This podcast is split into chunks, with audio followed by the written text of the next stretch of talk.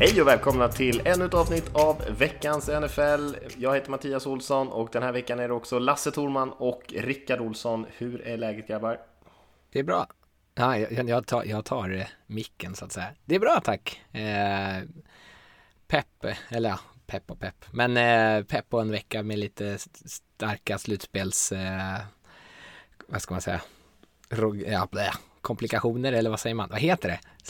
Slutspelsavgöranden. Lasse, hur är det med dig? Säg något dumt. Nej, nej, det är den cleanaste starten jag varit med om. Det är okej. Okay. Eh, jag har varit på något sjukt tråkigt lussfirande. Han har varit på, har, ja, du Rickard har väl gamla barn så du måste gå på det varje år och höra samma sånger och äta samma torra, eh, vad heter det, eh, lussekatter på dagis och skola och sånt. Jag älskar ju lussekatter. Ja, okej. Okay. Även de torra som barnen själva bakat. Det är en massa så snor och grejer. Även torra. Allt med socker. Ja, okay. Kvantitet ja, för kvalitet. Det får inte vara socker längre i dem heller. Det ska vara så här. Ja, jag, jag har varit på ett sånt och, och det sög lite must ur mig. Liksom. Jag, har, jag har väldigt svårt för sådana här, du vet när man ska gå och, och låtsas vara kompisar med alla andra barns föräldrar och sånt. Så ska man kolla, höra på Lusselelle som man har hört i typ sju år, även att barnet är sex. Så liksom, nej äh, men, men det, jag, jag, försöker liksom hämta mig successivt över den här podden och, och komma över det. Men äh, ja, somliga hade säkert trevligt. Var det med, med medveten ordvits att du sa att det sög musten ur dig? Nej, gud. Uh, ni är ju bättre på att snappa upp de här Göteborgsgrejerna än vad jag är. Du är ju göteborgare hela, ja. hela vägen igenom. Det jag liksom säger, det, säger det så naturligt att jag inte ens liksom reflekterar över det. Uh, nej, usch. Uh, Hur är det med det Mattias? Nej, men det är, bra, det är bra med mig. Jag har varit hemma här eh, idag, eh, sjuk unge. Så jag har eh, skolkat från jobbet kan man säga. Så att, eh, har haft det ganska chill får man ändå säga. Men Lasse, du har ju varit borta ett tag, det får man ändå säga, eh, vilket säkert några lyssnare har märkt av. Eh, vad har du hållit på med? varit på enormt många lussefiranden och turnerat i Sverige. från, från Kiruna till Sölvesborg. Nej, jag har varit i, i USA, jag har varit eh, ett par veckor och uh, i södra USA, rest runt lite, kollat lite uh, NFL, lite college och uh, väldigt, väldigt mycket annat också. Musik och historia och annat. Uh, så, så därav att jag inte har varit med i podden men man får väl se att jag kanske har samlat på mig någon form av visdom även att jag inte riktigt kan komma på vad det är just nu och kanske kan bidra med. Ja, du är minst några veckor klokare i alla fall. Ja, vi får hoppas det i alla fall. Mm. Eh, nej, vi ska köra eh, ett ganska standardavsnitt idag. Vi ska snacka lite om helgen som var här. Det blev ju ingen reaktionspodd eh, den här veckan från eh, gänget på NFL Supporter. Jag pajade lite med logistiken här, fick inte ihop det riktigt. Så att vi ska säga några ord om matcherna som spelades. Och sen eh, ska vi kika lite på vad som händer framöver, både med med slutspelet såklart. Det är bara några veckor kvar här, tre matcher kvar för de flesta, eller för alla rättare sagt. Och eh, och en del riktigt intressanta matcher här vecka 15. För det kom ju upp, ut en grej här i, i veckan att eh, precis där i anslutning till Monday Night Football tror jag det kom ut för första gången eh, att eh, Patriots är under någon typ av utredning för att de har haft en person som har filmat ner mot sidlinjen på eh, Bengals. Eh, och blivit ifrågasatt av vad den personen gjorde där och då sa man att det var ett eh, externt kan man säga produktionsbolag som producerade en dokumentär till, till, eh, till Patriots. En sån här do your job dokumentär med följde med en scout. Men sen så har det kommit ut lite andra rapporter här i efterhand att eh, det har varit upp till till och med åtta minuter film som bara vore fokuserad ner på sidlinjen på, på Bengals tränare och byten och sånt där. Eh, och eh, de som kommer ihåg den här skandalen kring Patriots som i och för sig var 10-12 år sedan nu kanske, Spygate där de anklagades för att ha filmat handsignaler och såna här grejer på motståndarlag så är det ju här en grej som snabbt eh, som man snabbt känner igen. Eh, sen vet vi väldigt lite än så länge varför de var där och vad anledningen var, så man kanske inte ska hoppa till för många slutsatser. Men, men oavsett så är det ju just Patriots, filmkameror, vara där man inte får vara och filma saker man inte får filma är ju en sak som man ganska snabbt hajar till på. Ja, det är ju verkligen en bekant klocka. Ja, svårt att förstå, svårt att sätta, förklara vad de håller på med, tänker jag. Alltså jag korkat är det hela grejen liksom. Så att, ja. eh, kul när det händer något var min spontana tanke liksom. Skoj att det liksom hettas upp sånt här igen. Eh, sen tänkte jag liksom fan vad korkat liksom. Var, varför? Eh, även om det, om det nu inte må vara eh, med uppsåt att liksom spionera på, på eh, Bengals. Spionera på eh, Cincinnati Bengals också, bara det är ju bra skit. Eh, sätta sig i den situationen liksom. Det är fan vad korkat liksom. Vem, vem, eh, vem gör det? jag tror det är väldigt mycket storm i ett vattenglas men det går inte att bortse från att Patriots sätter sig i den här situationen. Det är ju bara urbota dumt liksom. Eh, jag, jag, kan inte komma över det. Jag tycker det är lite skoj tycker jag att det händer sådana här grejer måste jag säga. Eh, men eh, mest för att det är så jävla korkat. Ja, eh, än så länge är det ju en storm i ett vattenglas om det, det här är det enda som har hänt. Men och då får man ändå säga att det är ju Patriots själva som du är inne på som skapar den här stormen helt Aha, själva. Och, och liksom all uppmärksamhet och eventuell kritik man får man ju helt och hållet förtjänt av. Eh, eftersom man är så här dum, om det nu är ett misstag, så är det ju utomordentligt dumt gjort. Eh, men det som hände förra gången, de, den här skandalen som faktiskt var en, en riktig skandal, det här vet vi ju, det här kan ju bara vara en, en korkad grej, men då var det ju ungefär på det här sättet det började. De filmade ett, eh, åkte dit när de filmade ett, ett ganska dåligt motståndarlag, filmade ju ett kastjetslag då och sen så rullades det upp att det här är tydligen någonting som man har haft mer eller mindre i system. Eh, sen hur effektivt det har varit, det går ju att diskutera, men eh, och vi får ju hoppas att det inte dyker upp fler sådana här grejer nu. Det finns ju en stor, ska jag säga, eh, nästan paranoia kring New England Patriots. Eh, lite också som de har förtjänat eh, genom åren, genom massa konstiga saker som har hänt omkring dem. Men så fort det kommer något sånt här och det är Patriots så reagerar ju alla och det är nog många som sitter där ute i de andra lagen och tänker tillbaka. Nej men var det någon skum person som gled runt med en videokamera inför att vi skulle möta dem? Och ja exakt, vad är det för liksom mysko? Det var någon kille i en trenchcoat som stod runt hörnet med mobilen riktad lite uppåt. Och du vet, och det, kom, det kommer ju säkert dyka upp något mer. Men förhoppningsvis så är det inte så att man har liksom har gjort samma miss, eller miss, övertramp får man säga, igen.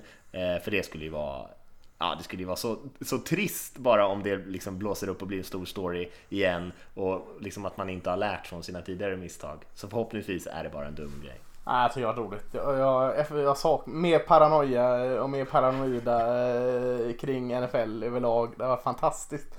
Alla springer runt och är paranoida sin helsike. Fan vad bra det har varit. Jag hoppas på mer. Eh, men det ska vi gå in på det som jag började hinta om där. Vi ska snacka lite om veckan som var här och eh, vi kan väl börja med den stormatchen mellan 49ers Saints som många hade sett fram emot på förväg. Kanske de två bästa lagen i NFC just nu, två av dem i alla fall. Och eh, det var en match som kanske inte gjorde någon besviken. Slutade ju 48-46 till 49ers efter en riktig urblåsning får man säga, som avslutades på liksom, med största möjliga dramatik. Eh, på ett avgörande field goal efter att Saints hade tagit ledningen igen med knappa minuten kvar. 49ers fick tillbaka bollen och lyckades driva ner planen och ta över ledningen igen. En sån här böljande match, massor och massor av poäng fram och tillbaka. Båda quarterbacksen spelade utomordentligt bra eh, och det blev en riktig rysare också. Påminner inte den här matchen väldigt mycket om det eh, öppningsmatchen där, Saints mot Texans? Eh, inte lika höga poäng. Den slutar väl runt 30 för båda lagen. Men var det inte så också att den böljade fram och tillbaka? Eh, lagen bytte ledning och så var det eh, en sekund kvar. Och så, då löste det ju Saints det. Men den här gången löste ju 49ers det. Men var, var det inte lite likadan typ av match? Jo, de har ju sina likheter. Saints har varit med i många sådana här matcher känns det som. Den här Giants-matchen när Eli Manning och, och, och, och Breeze kastade 6-7 touchdowns var. Och sen så hade de ju en matchen som vi såg på NFL-supporterresan där de mötte Panthers som också var en sån där fram och tillbaka poäng, med massor av poäng här nyligen. Så det känns som att det är lite deras grej att hamna i sådana här äh, shootouts. Mm, ja, verkligen. Eh, men, men ja, det var ju... Gillar man offensiv fotboll så var det ju ja, vad ska man säga, eh, väggen i eh, klagomuren i vart den nu ligger, Jerusalem. Eh, det var ju fantastiskt. Ja, det var kul att kunna se, se att eh, Jimmy Garoppolo kunde hålla jämna steg med Breeze också. Att han kan spela på en tillräckligt hög nivå för att de faktiskt ska kunna vinna också den här typen av matcher. Mm. Ja, det var väl enda frågetecknet kring 49ers. Nu var ju försvaret levererade ju kanske inte riktigt den här matchen, men, men det enda frågetecknet som fanns kring 49ers, i alla fall hos mig, det var ju huruvida Garoppolo kunde spela riktigt, riktigt bra när det behövdes. Och han har ju faktiskt spelat bättre och bättre här ju senare säsongen har blivit och det här är ju hans klart bästa match, kanske i hela karriären. Eh, där han eh, spelar otroligt bra helt enkelt. Ja, jag tror vi varit inne på det i några tidigare podcaster, liksom att Jimmy Garoppolo har inte vunnit matcherna för 49ers. Liksom. Han har fått eh, cred och så har det gnällts fram och tillbaka. Men, men det har legat en viss sanning i det. Han kanske liksom inte har förlorat matcherna och som du säger spelat bättre och bättre. Men, men den här matchen känns liksom som kanske den på riktigt. Man säger ja den här matchen vann nog Jimmy Garoppolo för 49ers.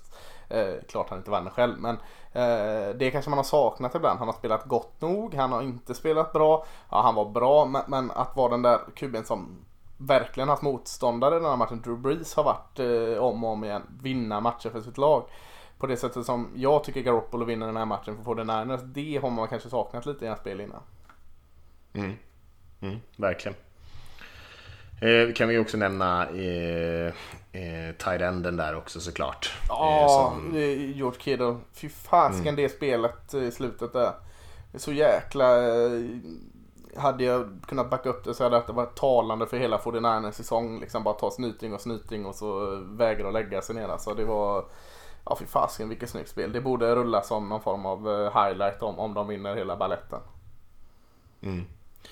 Och samtidigt också som vi har lyft förut tror jag också värvningen av Emmanuel Sanders till 49ers, hur viktig den har varit också. Han hade ju sju mottagningar, 157 yards och en TD i den här matchen och eh, sen han kom dit skulle jag säga har Garoppolo lyft sig ganska rejält och hela passanfallet, det liknar ganska mycket den här Amari Cooper till Cowboys-grejen, den typen av effekt tycker jag det har haft eh, på 49ers.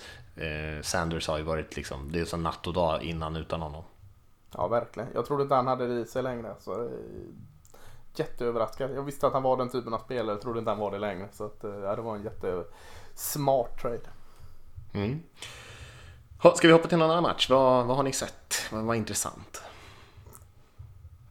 Uh, jag kollade lite på uh, Ravens mot Bills-matchen där, där Ravens vann, gick vinnande ur på hemmaplan.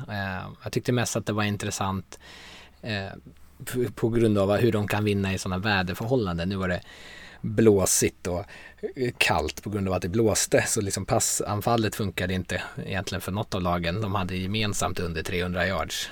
Eh, Jackson passade för 145 och Allen för 146 yards. Men jag tycker det är intressant att Ravens kan vinna matcher i den typen av förhållanden och i veckan innan så var de ju i San Francisco där det liksom var hällregn och, och skräpväder där och så vann de den matchen också. Jag känner att hade jag varit Ravens-supporter hade jag känt mig lugn inför slutspelet att de kan liksom de reser bra, de vinner på bortaplan och de kan också vinna eh, egentligen i vilka, vilka väder som helst. Men vänta nu, menar du att den här fantastiska quarterbacken som Bills bara draftade för att väderförhållandena i Buffalo inte klarar av en tuff vädermatch? Vad är det du säger? Har Josh Allen problem med vädret? Det, det, var ju, det, det, det hade han ju inte. Han klarar ju alla väder. Han kunde ju spela fotboll i Tibet under en jävla storm med den där snömonstret komma jagande honom. ja. ja. till, Allen, till, till Allens försvar så var ju Lamar nästan lika dålig ska man säga. Som, men det är ju inte illa pinkat för en running back liksom. Eh, som togs lägre ner i draften. Josh Allen kom ju för att spela de här tuffa matcherna i Buffalo. Gick sådär va. Äh, jag... Nej, det, det, gick, det gick verkligen sådär för honom. Jag, jag kollade också på den där matchen. Eh, han hade ju kanske lite lättare just armstyrkemässigt att spinna bollen i, i regnet där, men han missade ju sina kast med eh, ibland med väldigt, väldigt mycket. Och han är ju lite den typen av spelare, alltså han är ju inte särskilt placeringssäker, väldigt upp och ner. Eh, men han hade det ganska tufft i den här matchen. Eh, jag tyckte försvaren spelade bra och i båda lagen, eh, kanske framförallt mm. Bills i början och sen Ravens som tog över mer och mer tycker jag. Eh, många som bidrar i det där Ravens-laget. Det känns som ett väldigt stabilt bygge och jag håller med om, om att de är kan nog vara bra i nästan vilken typ av match som helst och de är nog inte så jätteroliga att möta i slutspelet. De har väl seglat upp som ganska stora favoriter tycker jag i AFC.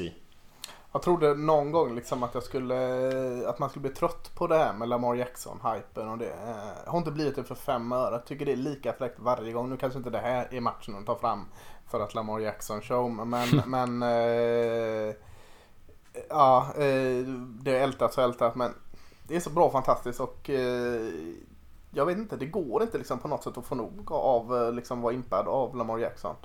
Eh, kassaförhållanden gör ingen stormatch men ja, han och, och, Ravens vinner ändå den här matchen. Ja, jag, jag är med i båda där med att det måste kännas väldigt skönt att vara Baltimore Ravens supporter just nu.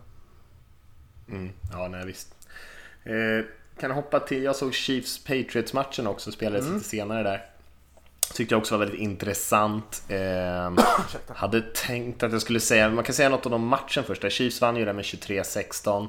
Eh, Patriots anfall framförallt hade det ju väldigt tufft, särskilt i första halvlek. De blev ju utbuade av hemmafansen där. Jag skrev lite eh, spydigt på Twitter kanske att det var så synd om fansen där i, i på Fox Pro som har, eller på, i på Gillette som har haft det kämpigt så länge där. De har vunnit eh, 21 raka hemmamatcher tror jag innan den här matchen. Och så ligger de under i en halvtid och så, så är man superbesviken såklart eh, och buar ut dem. Men de torskar den här matchen så småningom mot Chiefs. Inte så konstigt tycker jag, Chiefs är ett bättre lag. Patriots har ju lite som sagt problem där med sitt anfall framförallt. Det är väl det försvaret tycker jag spelade ganska bra den här matchen. Eh, jag tänkte att jag skulle säga någonting om Tony Romo också här, för jag tycker att det är så, det är, som, det, är också en sån där hype, precis som Lamar Jackson, som man kanske inte ja. Alltså man tröttnar ju på hypen kanske, det finns ju inte så stor anledning att prata om honom, men att se matcher som Tony Roman kommenterar är en fröjd tycker jag. Alltså han är så mycket bättre än alla andra. Eh, och i den här matchen så var han i sitt esse tycker jag, när han förklarade hur Chiefs försvar jobbade med att dubbla Edelman och liksom eh, ritade upp det på, på brädet och sen direkt när Patriots gör en justering och flyttar ut Edelman på kanten för att det ska för att eh, öppna upp över mitten av planen. Då är han snabbt på det igen eh, och eh, har bara full koll på att beskriva vad som, spel, vad som händer i spelet, beskriver coachernas justeringar live och liksom har sån kunskap om spelet som jag tycker man sällan har hört från en, från en expertkommentator. Så han gjorde den här matchen så oändligt mycket mer intressant tycker jag. Eh, och annars var det en del andra roliga grejer också, ett par häftiga trickspel, eh, Patriots gjorde en grej som de tydligen har gjort några gånger den här säsongen. Man ställer upp utan en punt returner för att gå all in på att blocka punten. Eh, och lite sådana andra liksom, små grejer som, som jag tyckte gjorde den här matchen väldigt intressant.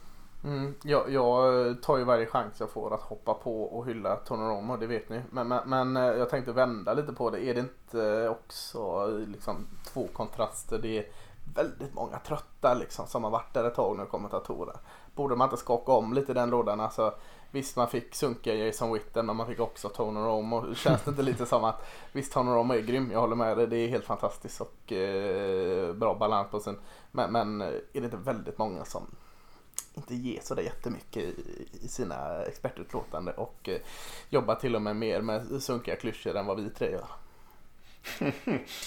Ja, men lite så är det kanske. Mm. Jag, jag, kan eh, hålla med om det, men samtidigt som vi sett när de har gjort några byten och du sa, nämnde ju Witten ja, där. Eh, man kan ju nämna hans polare där, Buggy McFarland som också är en riktig klyschmaskin. Ja. Eh, att det är liksom när man har gjort lite sådär byten så har det inte alltid funkat så bra. Så de, man förstår att kanske att de på de här ja. andra cruisen är safea lite, för många av dem är ju ganska bleka men okej okay, liksom. Men mm. de här toppjobben, det borde ändå, det borde sitta en Romo på varje tv-hus kan man ju tycka. Eh, annars får man ju liksom bara hjälpa hjälpa till från produktionen med att liksom ta ja, fram sådana här intressanta grejer. För ibland är det ju verkligen bara det bara säger saker som man, som man själv kan komma på liksom. Och det, det känns som att då bidrar de inte med så mycket. Nej.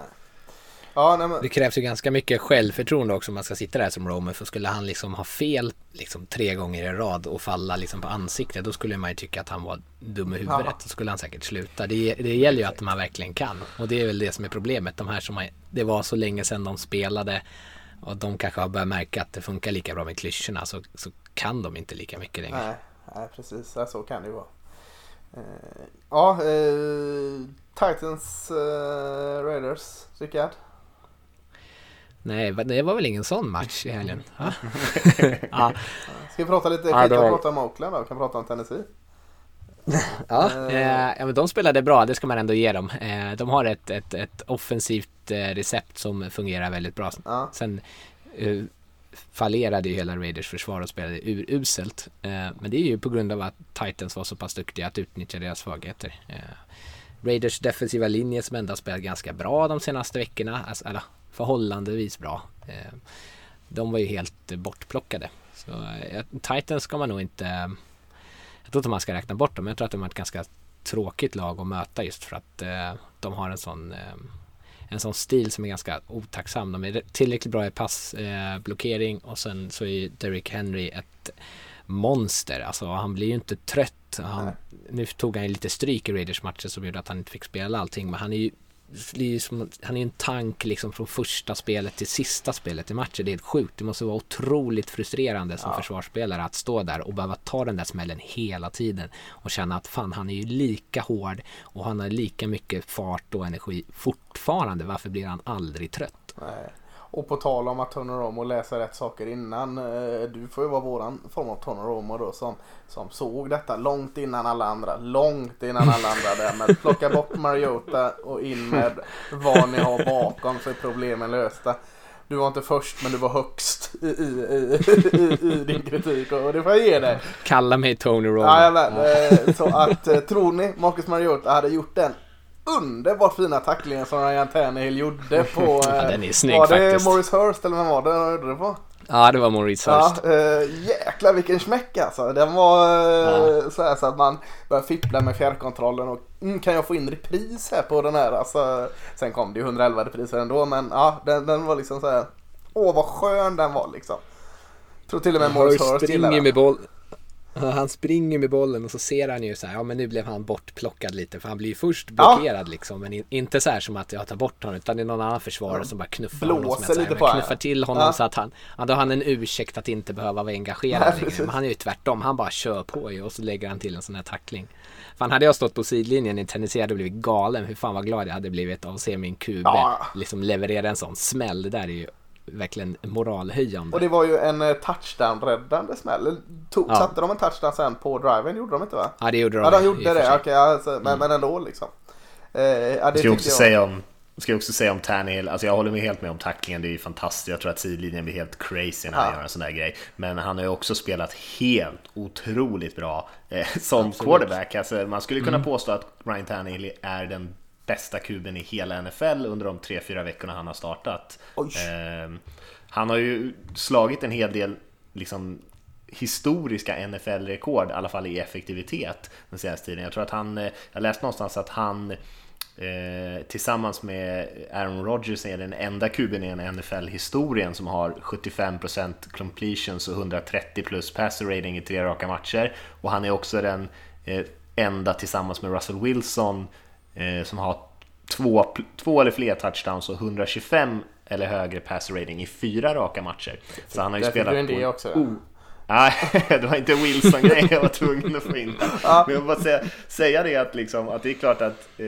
alltså det här är ingenting som säkert kommer hålla i sig för Ryan Nej, Men nivån han spelar på nu är ju liksom absurd. Alltså det är ju Patrick Mahomes nivå som han spelar på och ja. vi får väl se. Det, det lär ju liksom, ja, som sagt, det lär ju balansera ut sig. Vet ni vad som kommer hända nu?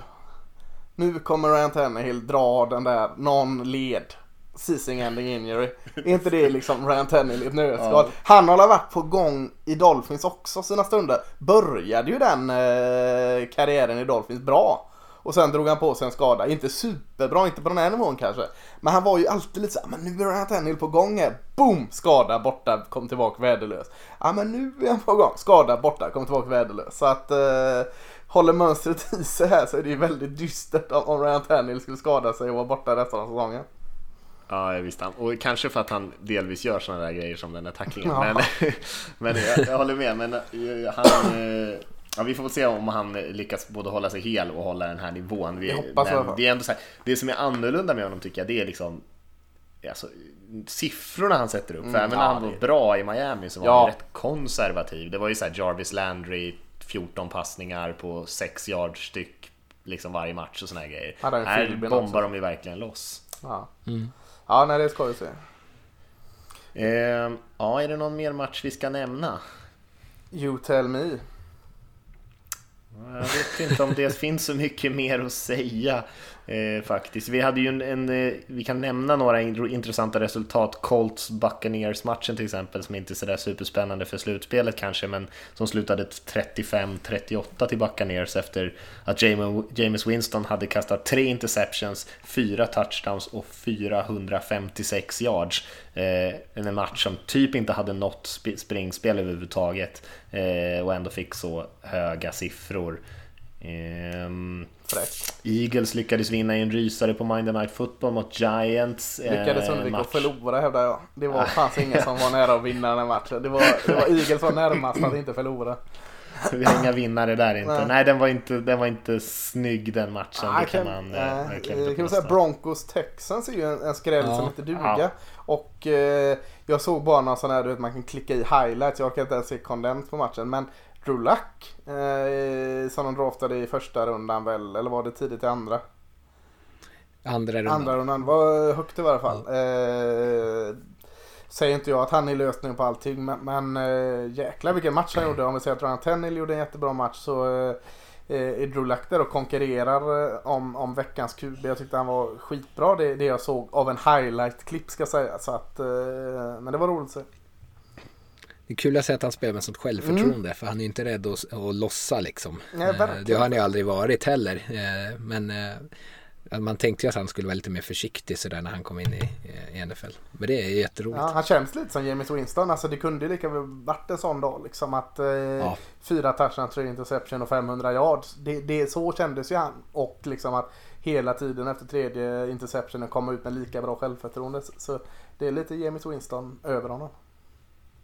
Ja visst, vi får se om han kan fortsätta på det där. Jag tycker det är en av de mer spännande historierna i slutet Mm. på säsongen. I alla fall för några av de här dåliga lagen, att han har spelat så bra. Den slutade 38-24, men den var ju långt ifrån så jämn egentligen. Det stod ju 30, jag tror att den vid en tidpunkt stod 38-3. Åtminstone 31-3 i halvtid. Eh, Så Texans åkte ju på storstryk i veckan efter de hade spöat Patriots och allting såg så bra ut. Och nu är de ju i hård konkurrens om att överhuvudtaget ta sig till slutspel. Eh, Så vi, det kommer vi komma till här till i veckans matcher. Men, vad, vad, sa du, vad sa du förresten att Russell Wilson hade för stat nu eh, i den här Tannehills-svepet?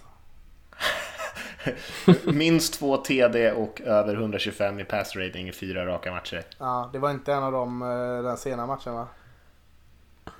Eh, nej, nej, nej, nej, nej, det var inte nu. Nej. Nej, nej. Vad, vad hände där? 12 poäng Ja. ändå. Det är ändå 12 poäng. Ja, Ja. nej, det, och det, var ju en, det var ju också på, eh, nu ska vi säga att det var en eh, pick six i den matchen också för Seahawks. Så, så Två anfallet field gjorde ju... Exakt. Så det var inte mycket att, att glädjas över. Eh, vi kommer till det också. Rams spöade ju, spöade ju Seahawks ganska rejält. Där vann med 28-12 i slutändan. Men eh, ett Rams som ser betydligt mycket bättre ut än vad de gjorde för 4-5 veckor sedan. Så eh, ett lag att hålla lite öga på tror jag. Eh, inte för att det är hela förklaringen till att Seahawks spelar dåligt här. Men, eh, men de har fått tillbaka en del spelare och hela den här Ramsey-grejen har verkligen funkat för dem. Taylor Rapp som har kommit in safety där spelar riktigt bra också. Och Todd Gurley ser piggare ut än på, på ett och ett halvt år eller något sånt i alla fall skulle jag säga. Ja. Eh, Ni kanske märkte det att jag lyfte upp Oaklands förlust och Seahawks förlust lite för att eh, på något sätt eh, dölja att eh, prata om, om, om, om, om sorgevalet Dallas Cowboys just nu. Eh, Ja. eh, det är hopplöst läge där. Jag, jag tänkte bara liksom att, att jag slängt era lag under bussen så liksom lägger jag mig på en landmina liksom och bara accepterar att jag hejar på Dallas Cowboys just nu. För ja, det finns inget gott alls att hämta från, den, från det laget. Nej, det var lite viktigare där. Bears vann 31-24 mm. mot Cowboys. Ehm, mm. Kan också diskutera vad som händer, men jag tänker att vi kommer till Cowboys för de har ju en ganska intressant match den här veckan. Ehm, mm. Så vi kan ju egentligen nästan ta och hoppa till, till eh, veckans matcher. Mm, ja, det kan vi göra. Och riva igenom dem. Jag tänker att vi gör som vi gjorde förra veckan. Vi, vi går igenom alla matcher och sen så kan vi helt enkelt bara hoppa över de som inte känns så intressanta. Och vi har ju en minst sagt inte så intressant torsdagsmatch den här veckan när eh, Jets spelar på bortaplan mot Baltimore Ravens och man väntar sig väl ingenting annat än en utklassning här va? Nej, det borde ju... Ja, för nu borde de vara extra motiverade också. Jets lever lite ändå. Fem segrar. du är väldigt upp och ner på Jets. Nej, vann mot Dolphins med en poäng senast. Ja, det är väl inte mycket att säga om den matchen. Nej. Eh, sen har vi, kan vi börja på 19 matcherna då, då på eh, söndag. Så har vi Patriots hos Bengals, den här matchen där eh, Patriots har kanske filmat till sig lite övertag, kan lyckas slå det här tuffa Cincinnati-laget. Mm. Cincinnati är mest förbannade över att, eh, eller de är nog glada över den här filmen så de fortfarande kan ha ettan intakt och få välja eh, högst i draften här. Eh, filmning eller inte filmningar och Patriots sviktande offensiva form eller inte så är det chans, risk eller hur man vill se det att Bengals vinner denna. Nej, det måste ju vara omöjligt. Ja, känns så va. Mm. Ja, nej, det, det, är klart att det, det kan hända. Eh, det är ändå större chans med Dalton inne, men det är klart att Patriots ska vinna den här matchen bara på pff, rutin, höll jag på att säga. Alltså, ja. även fast de har problem så är de ju ett mycket, mycket bättre, mer välcoachat ja, lag än Cincinnati såklart. Så måste det eh, en annan ganska ointressant match, Buccaneers på bortaplan mot eh, Lions. Ja, har Lions vunnit någonting på sen typ eh, första fem matcherna eller på att säga. De började väl ganska spännande.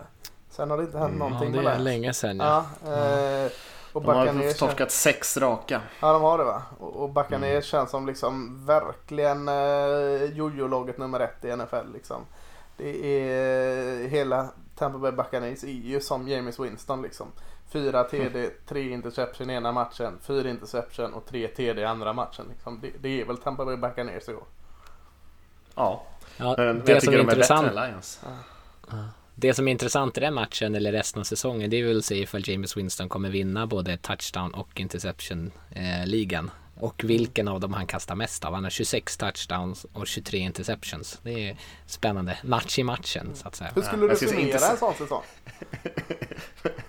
Klassisk Winston. Ja, men ja, är, det, är det tummen upp eller tummen ner på julfesten? det är en tumme ner. Ja, okay, ja. Tyvärr. Ja. Det ryktas ju ändå om att coachstaben eh, funderar på om de, eh, om de kan rädda honom. Efter, om, man liksom, om de kan eh, skära ner på hans interceptions. Det har pratats om det ett par år nu va? Nu kommer den här coachen in och ska skära ner på de interceptionerna. Innan han draftades pratades om det. Ja, precis. Det är liksom den här ja, men, nu... men det är ju på något sätt har han gått in i liksom sin det här är ju peak James Winston. Det, är, liksom, ja. det är så extremt ja. så att det liksom knappt går att ta på. De har ju också båda sina receivers. Eh, Godwin är ju tvåa i receiving yards i NFL och Evans är ju trea. Mm. Så att eh, det är ju bara Michael Thomas där i Saints som, som ligger före. Men sen är det två Buccaneers-spelare, tvåa och trea i yards. Ja, det, det svänger om uh, backs. Ja, de roliga matcherna. Ja, verkligen. Eh, sen har vi en riktig höjdare faktiskt om vi ska släppa de här skitmatcherna och det är Houston Texans som spelar bortaplan mot eh, Tennessee Titans. Lite olika form på de här två får man ändå säga. Tennessee Titans har ångat på som vi nyss pratade här eh, och eh, spelat otroligt bra, särskilt anfallsmässigt och Texans kanske varit det laget som har varit favoriter och sett bättre ut under majoriteten av säsongen. Men eh, stortorsk, dåligt spel här senast. Men jag väntar mig ändå att det här ska bli en ganska bra, spännande och jämn match. Ja, jag har ju pratat om Titans i två år nu så att uh, det är på tiden att han börjar liksom uh, hjälpa mig här. Uh, ja, men de är ju 6-1 Titans alltså, fyra raka vinster. Uh, Tennil har vi pratat om. Uh, Derek Henry har vi pratat om. Men, men det är ju just det tack vare Tannehill, Derek Henry är så bra liksom. För att Kommer ni ihåg här när de kom in och sa att vi skulle köra det, vi kör ground and pound liksom. Vi springer med bollen. Det var liksom stolthet i det liksom. Och det, och det går ju att säga innan, innan andra lagen stackar upp boxen med 8-9 spelare liksom. Då är det inte så jäkla lätt att köra den här ground and pound och springa med bollen. Eh, kunde de göra tacksamt när Mariota liksom stod och kollade om Delaney Walker någon gång skulle bli fri för 6 yard liksom. Eh, men med Tennil kommer ju in och öppnar upp detta. Det går ju liksom inte att och inte respektera Tennil. Och liksom, de måste falla bak med folk på plan och whoops så är ju Derek Henry eh, och den offensiva linjen som eh, är god nog för det. Ett jäkla vapen. Så, så Tannehill påverkar ju i högsta grad både spring och passspelet i offensiven tycker jag. Jag tycker man kan nämna en spelare som A.J. Brown också, rookie receiver mm. de har i Titans, mm. som eh, eh är uppe i 39 mottagningar än så länge och han snittar 20 eh, yards per catch, vilket är eh, mycket, det är väldigt mycket. Så han är uppe i snart 800 yards än så länge den här säsongen och har ju spelat riktigt bra i perioder och kanske särskilt här på på sluttampen som han har spelat väldigt bra. Ja, det var en av mina, mina favoritreceivers från eh, draften här. Eh, mycket mm. från både han och Metcalf i Seahawks som väl också varit bra. Kom ju där från Miss. Ja, det är ju de två som mm. har levererat mm. framförallt skulle jag säga. Brown har ju kanske varit lite mer upp och ner, lite mer berg och dalbana på honom. Men, eh, men han har ju över liksom hela säsongen så har han ju varit väldigt bra. Absolut, och försvaret är ju det. Eh, Tennessees försvar är ju är bra, mer än bra liksom. Så att det har inte varit mm. problemet. Men Houston, vad, vad, vad, hur säger man om dem? De, som du säger, de slår ju New England. Eh, sen får de den här riktiga liksom eh, det kokta stryket kommer från, från Denver här senast. Vad, vad, vad, vad säger man om Houston? Ja, det är väl passförsvaret som har sett lite suspekt ut. Ja. Och när man möter ett lag som just Broncos då, som senast, där vill man inte hamna i att deras pass bara kan eh, Eh, sätta fart. Eh, man vill inte vara så endimensionell. Men eh, ja, de har ju, det har varit lite berg och Det är svårt att säga egentligen vad det beror på. Eh, känns som eh, ibland är den offensiva linjen också så här, alldeles, alldeles skakig och ibland så spelar de jättebra. Och, ja, jag vet inte. Svårt att sätta ord på dem, men svårt att placera, veta vad man har dem riktigt tycker jag. Ja, för som Mattias, du var inne på det liksom, att man, man har ju trott på Jost den här säsongen och med all rätt. De har ju haft någon form av förarsäte i, i den divisionen. Mm. Eh, offensiven som har varit väldigt fröjdig liksom funkat eh, i stort sett eh, i alla delar. Jag tycker offensiva linjen, ja om du jämför med hur den såg ut förra året, det är ju kanske eh, enkelt att jämföra med eftersom den var bedrövlig förra året. Men liksom även det har funkat. och, och Springspelet har helt klart funkat också men framförallt med Deshaun Watson som liksom har tagit en nivå till så, så har man liksom hela tiden liksom rullat på att Houston, ja men de är bra, de är bra, de är bra. Men så har det börjat hacka lite liksom är det försvaret man ska lägga någon form av, jag vet inte om jag ska säga, skuld, men, men eh, liksom lyfta på och eh, undersöka. Är det, är det där liksom, det haltar? Du säger passförsvaret där Rickard. Det, det är kanske försvaret som inte klickar. Ja, det skulle jag nog säga ändå.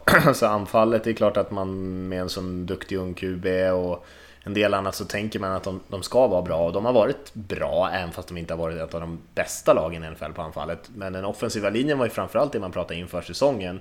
Men den har ju skött sig helt okej, okay, mm, särskilt med den här Tunsil-traden. Och det är ju försvaret som gör dem besvikna. Man tradar bort Devion Clowney, man får JJ Watt skadad, Eh, man har ingen riktig pass rush och eh, är väldigt skakig där bak i, i sitt secondary. Så det finns ju inte någonting som man gör riktigt bra tyvärr i sitt försvar. Och möter man då lag som hittar en lösning på att leta sig igenom eller kanske är bra i alla matcher offensivt, då har man det ganska svettigt. Då gäller det att Watson gör de här tokmatcherna för att man ska hänga med. Eh, det är kanske inte då så förvånande att man kanske lyckas slå ett lag som Patriots som vars anfall kanske är till och med ännu svagare än vad vi hade vågat tro. Att eh, då kanske det blir lite lägre siffror man, siffror, man kan hänga med, man kan kontrollera matchen och liksom göra de här stora spelen och det räcker. Mm. Eh, men när försvaret får en större utmaning, då blir det mycket press på alla. Alla måste göra en riktigt bra match. Det, det kan bli ganska svettigt i längden att vinna alla de matcherna. Ja, ja. Ja, det, Och här tror jag att man kommer ha svårt, man kommer ha jättesvårt. Om, om Titans spelar på samma nivå som de har gjort här, kommer de göra 35 poäng på Texans och då torskar man. Så att det, någonstans måste man ju lyfta sig, för eh, annars blir man överkörd här tror jag. en match att se helt klart. Jag tror dessutom Mm. att det är Tony Romo som är kommentator till det. Oof. Kul. Ja. Eh, kan hoppa till en annan match då. Eh, Yes. Broncos Chiefs är ju kanske inte superintressant, men Broncos som spöade Texans så hårt förra veckan och Chiefs tycker jag man sover lite på. Det är ett lag som jag tror att de kommer vara med hela vägen in i kaklet. Eh, fortfarande en av de stora Super Bowl-kandidaterna. Men Broncos har ju, deras säsong är ju över. Det är ju eh, Drew Lock där som vi pratade om, det är den unga kuben som är snackisen. Så det finns ändå lite att titta på där. Men om man väljer helt fritt på 19-snåret så kanske man inte väljer den här i första hand. Men jag tycker ändå det finns lite grann att, att kika på om man, om man är sugen. Ja, gillar det. En klassisk matchup för de Broncos Chiefs i eh, divisionen. Den har något, även att den kanske inte har slutspels eh, puls direkt så tycker jag det är, Broncos Chiefs tycker jag alltid lockar på något sätt. Mm. Ja, jag har ingenting mer att tillägga om den. Och Rickard, då kan du analysera Dolphins Giants som är nästa match. Ja, stormatch, veckans stormatch ja. ja. Eh, nej men det blir väldigt spännande. Mm, mm. Jag vet inte, kommer, om Giants vinner, undrar om det påverkar eh, draftordningen mellan de här två lagen. Eh, om det finns några sådana implikationer. Eh, nej, kanske inte det mest eh, spännande matchen. Spelar Eli igen? Är det någon som vet? Jag tror oklart än så länge. vet jag ej. Nej. Mm. Han Som skulle, det vore väl kul om man vet. kunde få avsluta med lite vinster. Ja, han var inte Mm. allt för sunkig sist. Eh, Nej. Nej, eh, Det beror på om man räknar hela eller halva matchen. nej, jag räknar halva. Han var trött sen. Han är ju ändå rätt gammal. Sen kom Ja, pulsen och, och taket. Ja. Nej, det är väl, det är väl de andra, alltså Chase Young, eh, the enden i Ohio State, de spelar de här. Eh, Ja. Om man nu förutser att Bengals kommer sist och tar en QB så Giants är ju jättesugna på Chase Young och jag tror nog Dolphins tar honom också om han är väldigt som nummer två där. Så att matchen om Chase Young får väl eh, säga då. Mm.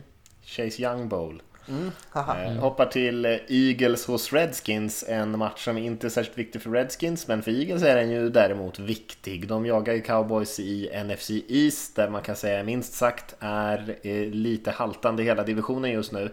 Men Eagles snäll. har ju fortfarande... Ja, snällt sagt. snäll. Eagles, Eagles har ju fortfarande all chans. Eh, Ja. eh, så de de leder ju till och med divisionen nu va? Nej, Cowboys slog dem. Så att Cowboys slog Ah, de har tiebreakern. Okej, Ja. okej, okej. Eh, Men ändå en viktig match för Eagles. De får ju absolut inte torska mot Skins om de ska hänga med. Nej, hur de ska vinna vet jag dock inte.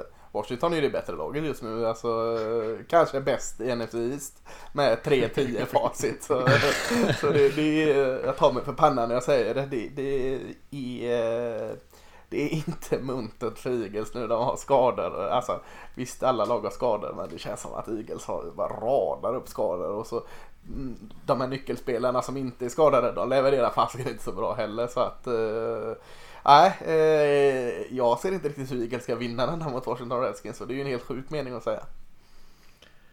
Ja visst. Eh, rookie receivern där, McLaurin heter han det i Redskins, spelar också. McLaren där. Mm. Ja, spelar på en riktigt hög nivå. Han hade ju en galen catch här senaste veckan. De, de utmanar ju faktiskt Packers rätt mycket. Torskade ju bara med 15-20 i slutändan. Ehm, och Eagles såg ju som sagt förskräcklig ut mot Giants. De Ja, såg inte verkligen. ut som det bättre laget tycker jag, utan det var en väldigt jämn match mellan de två lagen.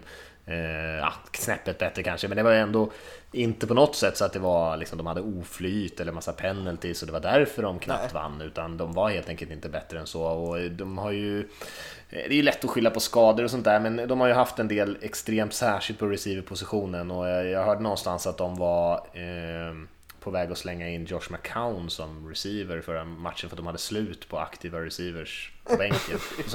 Eh, deras backup-QB som är liksom, eh, han är han är lika gammal som Eli Manning dessutom. Men eh, så att det är ju verkligen, verkligen ont i skafferiet. Alshon Jeffrey nu borta resten av säsongen. Även Afiga Whiteside där, receivern är ju skadad.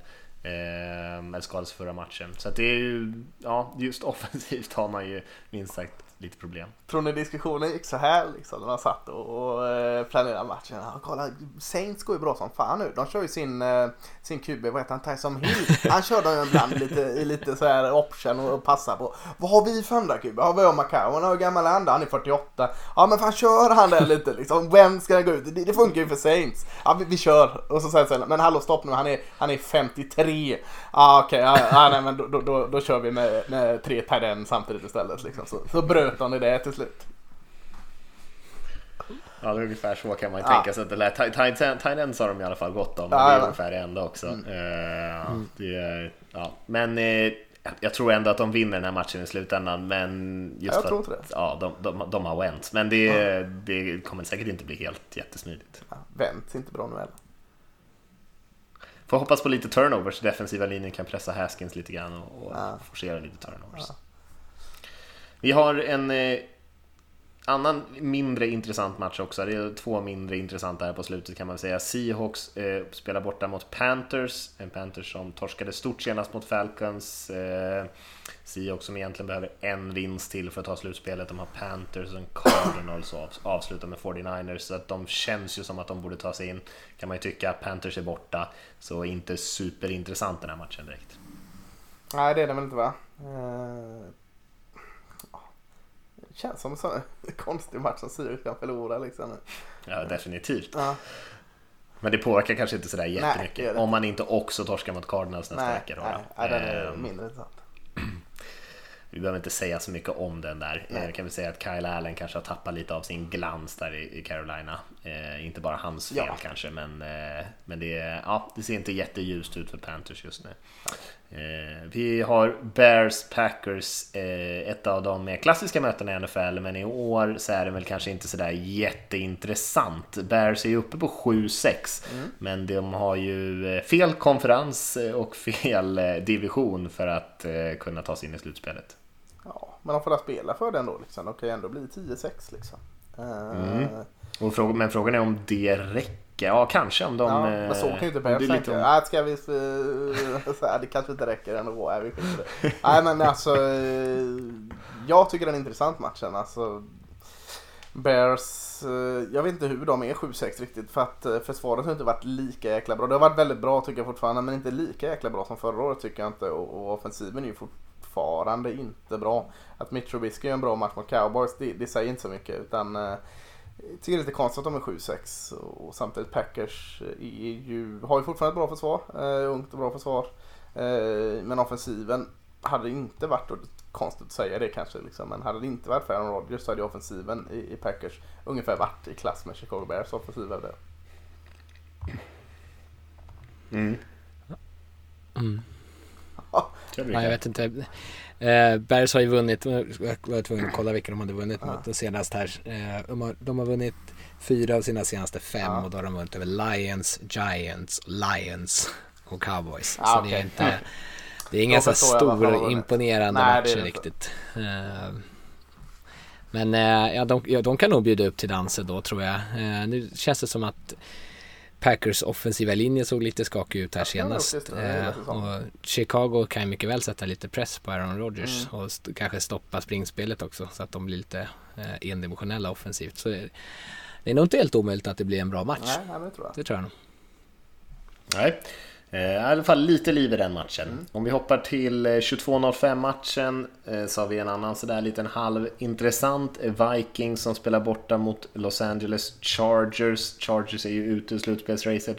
Vikings är ju Ligger tvåa i Packers-Bears-divisionen. Eh, men eh, om Bears kan skrälla mot Packers då kan de kanske så småningom hota Vikings lite grann. Så det gäller ju att hålla ändå plattan i mattan. Chargers vann ju stort här senast mot Jaguars. Jag tror det blev 45-10 eller något sånt där slutade eh, Finns eh, kanske inte så mycket intressant att säga om just den här matchupen.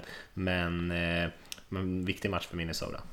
Ja. och för Vikings så är det ju inte, handlar det kanske inte om just inom divisionen utan att få den här andra wildcard-platsen och då har mm. de ju de har ju Rams eh, som är 8-5 som de slåss med eh, egentligen. Och de har inte världens lättaste schema här framöver, Vikings.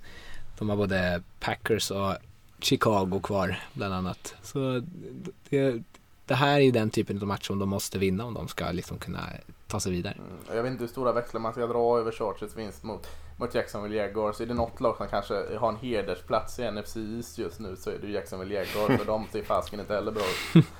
Eh, Nyckeln till staden. Ja, så att eh, jag vet inte fasken hur mycket liksom man ska eh, hylla eller lyfta händerna och armarna i skyn över Chargers form och vinst senast. Så jag, jag tror Vikings tar den här relativt bekvämt. Det tror jag också. Eh, hoppar vi till eh, en annan match där samma tid 22.05 så har vi Jaguars just som spelar bortaplan mot Oakland Raiders. Jaguars är ju ute i slutspelsracet, eh, inte så konstigt. De är ju historiskt dåliga just nu, eh, utklassade varje match. Raiders, har de en chans fortfarande på en wildcard-plats Rickard?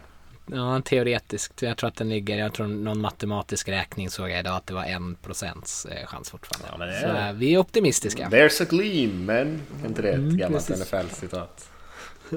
Det är ju sista matchen i, i Oakland ja, någonsin. Just det. Är det. det är ju... På så sätt är det ju spännande. Vad händer då? Släcker de den här elden då eh, i fjärde kvarten eller vad, vad, vad Någon blåser ut den menar du? Al Davis-elden.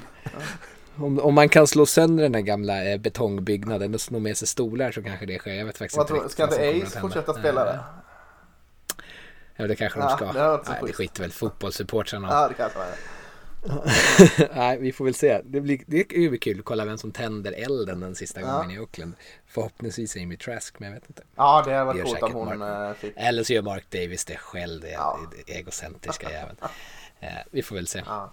Men eh, fan, var inte, jag kan absolut tänka mig att den här Minchumania kommer sätta igång igen efter att få möta det här sunkiga Raiders-försvaret. Eh, de har en tendens att tillåta eh, otroligt bra pass rating till otroligt dåliga eh, QBs. Ja, mm, nej det, jag, jag, jag kan inte se att Jaguar ska liksom vinna mot något lag här nu. Det skulle vara mot NFC-lagen då, men, men eh, ja, försvaret var fasken inte bra mot Titans. Nej, det, det är en, eh, en skräpig jäkla match som ska dammas av på Colosseum. Ja. ja. Verkligen. Jag såg du twittrade ut lite bilder på nya arenan eh, i Las Vegas, Rickard. Den mm. såg ju ändå jäkligt häftig ut får man ändå säga. Eh, ja. Men, mm. Det kommer väl, den är inte klar än, men det verkar ju vara on schedule och Eh, ja, de har kommit ganska långt. Jag var tvungen också att googla runt på lite liksom sådär, skissbilder hur det ska se ut när det är färdigt. Och det ser ut som att det kommer bli häftigt. Mm. Ja, de har ju någon serie som de släpper på Youtube där de håller på att bygga den här arenan. Vad spännande. För byggarbetare då eller vem riktar man sig till? Nej men det är riktat för fans. Är det många sådana här bilder när de sitter och äter sina lunchlådor på sådana här stålbalkar och sånt? Det är alltid den Det hade varit kul om det hade varit lite mer så här reality show. Det är liksom The Office fast med liksom byggarplatser. Det är mycket från lunchrummet som du säger Lasse. Och mycket liksom, det är inte så mycket på liksom någon flashig arenan och så. Man, man får lära känna Mitch liksom. och sånt liksom. Jävla rabalder av det. Ja, trist att de lämnar Oakland får man mm, säga. Eh, men mm. ändå, om de ändå ska flytta kan de ju flytta till ett fint hus så att säga. Eh, om vi ja. sista 22.05 matchen där är Browns hos Cardinals, eller heller inte så intressant. Båda de här lagen är ju utslagna i slutspelsracet vill jag ändå säga va? Eller även Browns är 6-7. Ja, Browns borde ha en chans. Pittsburgh lär bara ja, hålla borta. har väl en teoretisk chans. Ja. Jag säger att de inte kommer ta sig till slutspel, ja, men eh, de har ja, en matematisk okay. möjlighet att göra det. Ja. Men eh, mm. det är ju en extrem uppförsbacke får man ändå säga om man ska ta sig dit. Precis som Raiders som vi nyss nämnde. Ja. Ja, jag höjer lite extra på Brownsen nu efter eh, hela det debaclet som var. Tycker de förtjänar lite support så att go Browns. Go Browns. Ja, de har, eh, har inte haft eh, inte haft så mycket positivt som har sagts om Browns de senaste nej, veckorna. Nej, de får all kärlek av mig.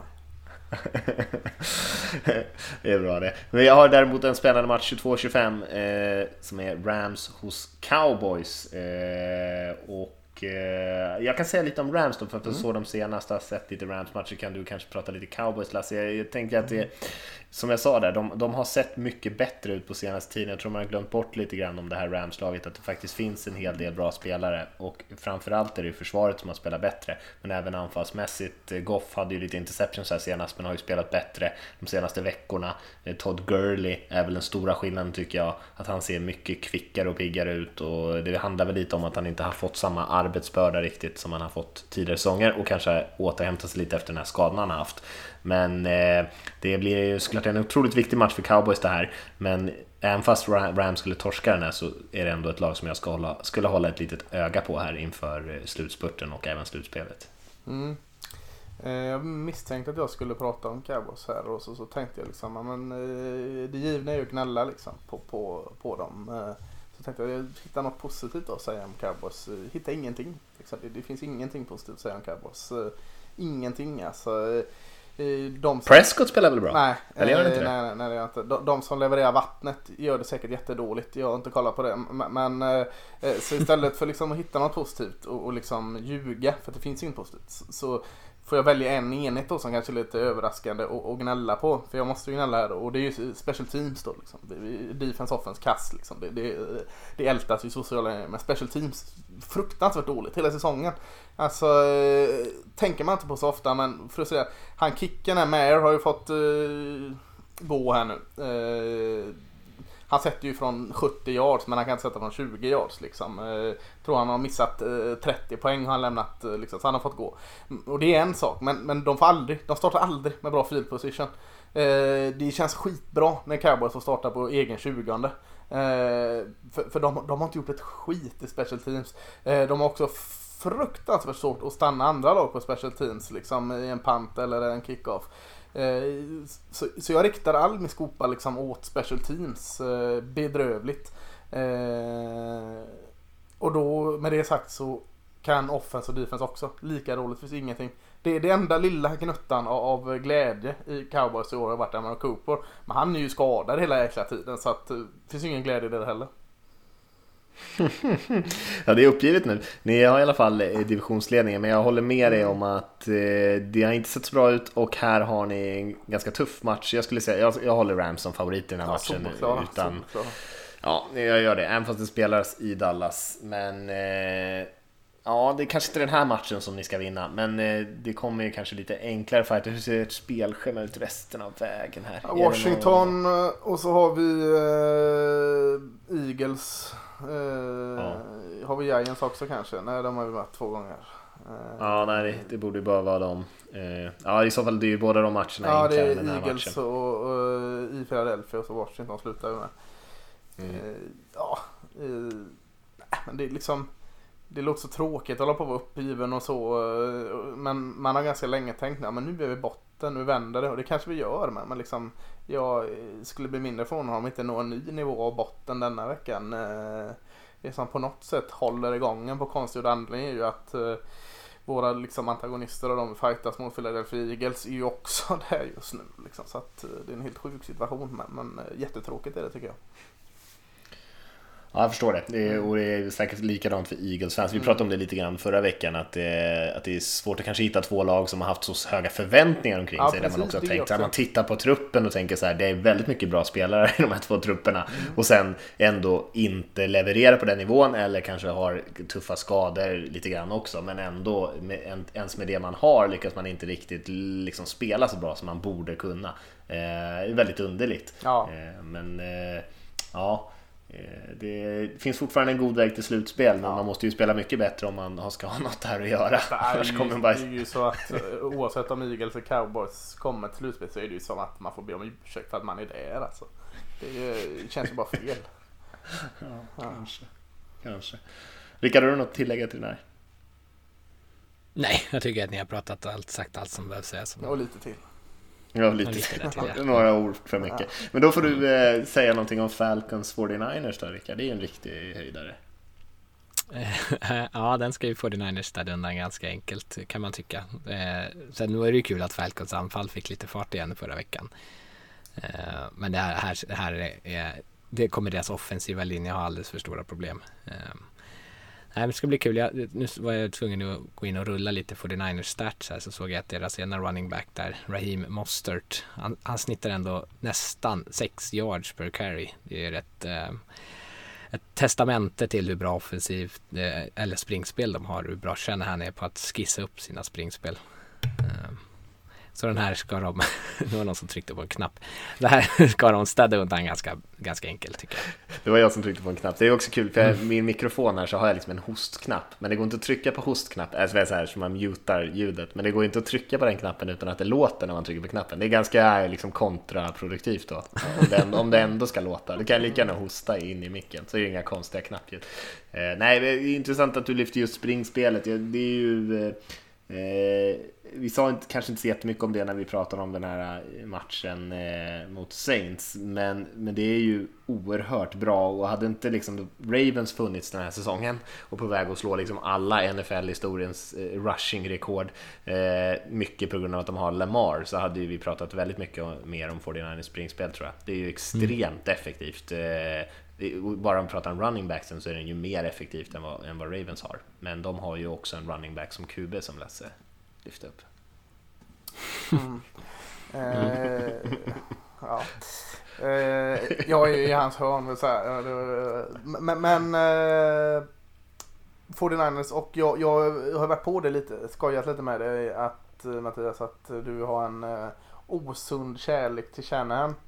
Eh, och jag får ju backa med det för jag börjar fasken hoppa på det här eh, trädet eh, och, eller det här tåget om att fasiken vad spännande och duktig han är känner alltså.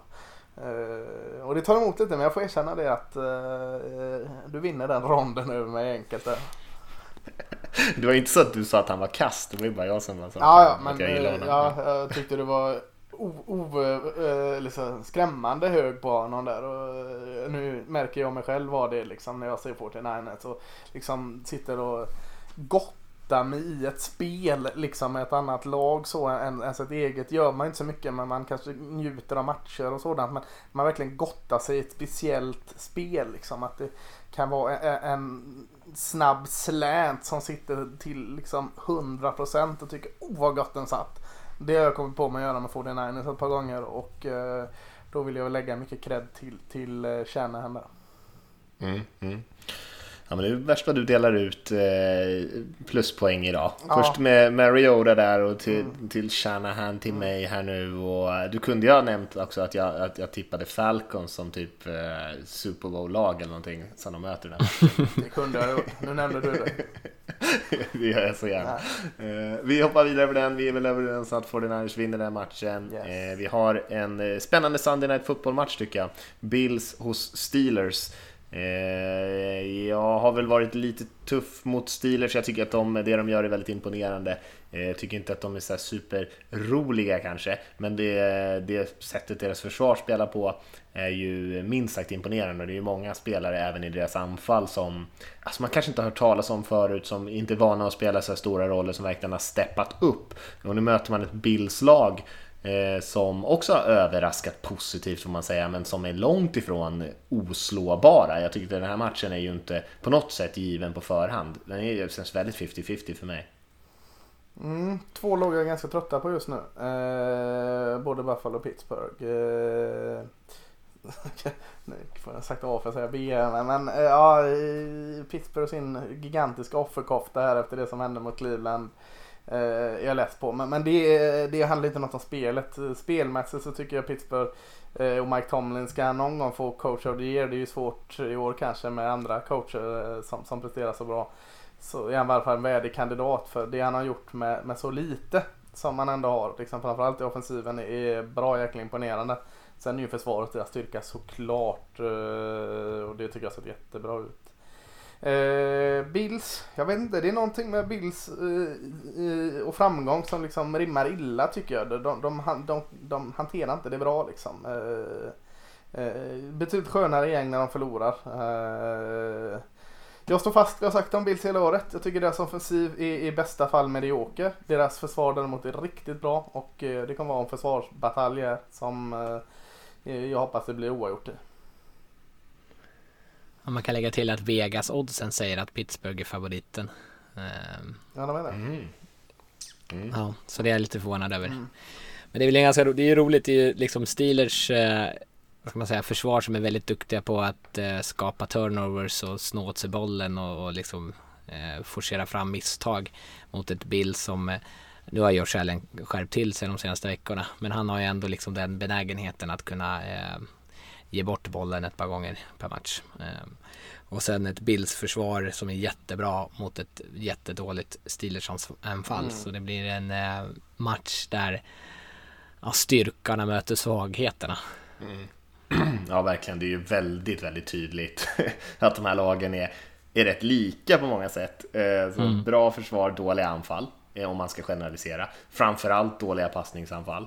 Mm. Men sen så har väl Bills det som har lite i deras fördel är väl att deras springspel har ju varit betydligt bättre än Steelers mm. springspel den här säsongen. Singletary tycker jag är en spelare som har sett väldigt spännande ut till exempel.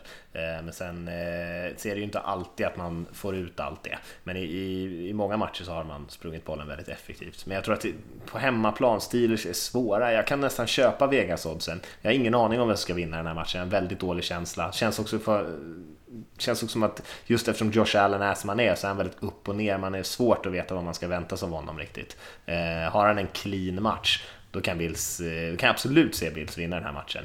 Men det är ju sånt där man aldrig riktigt vet. Jag skulle nog på förhand säga att Steelers kommer vinna den här matchen om jag var tvungen att sätta pengar på det. Eh, men jag skulle nog inte sätta pengar på det. Mm. Nej men jag, jag köper det. Oavgjort i ris. ja, tänk om det är oavgjort nu. Det är liksom eh, som en av de eh, framtids...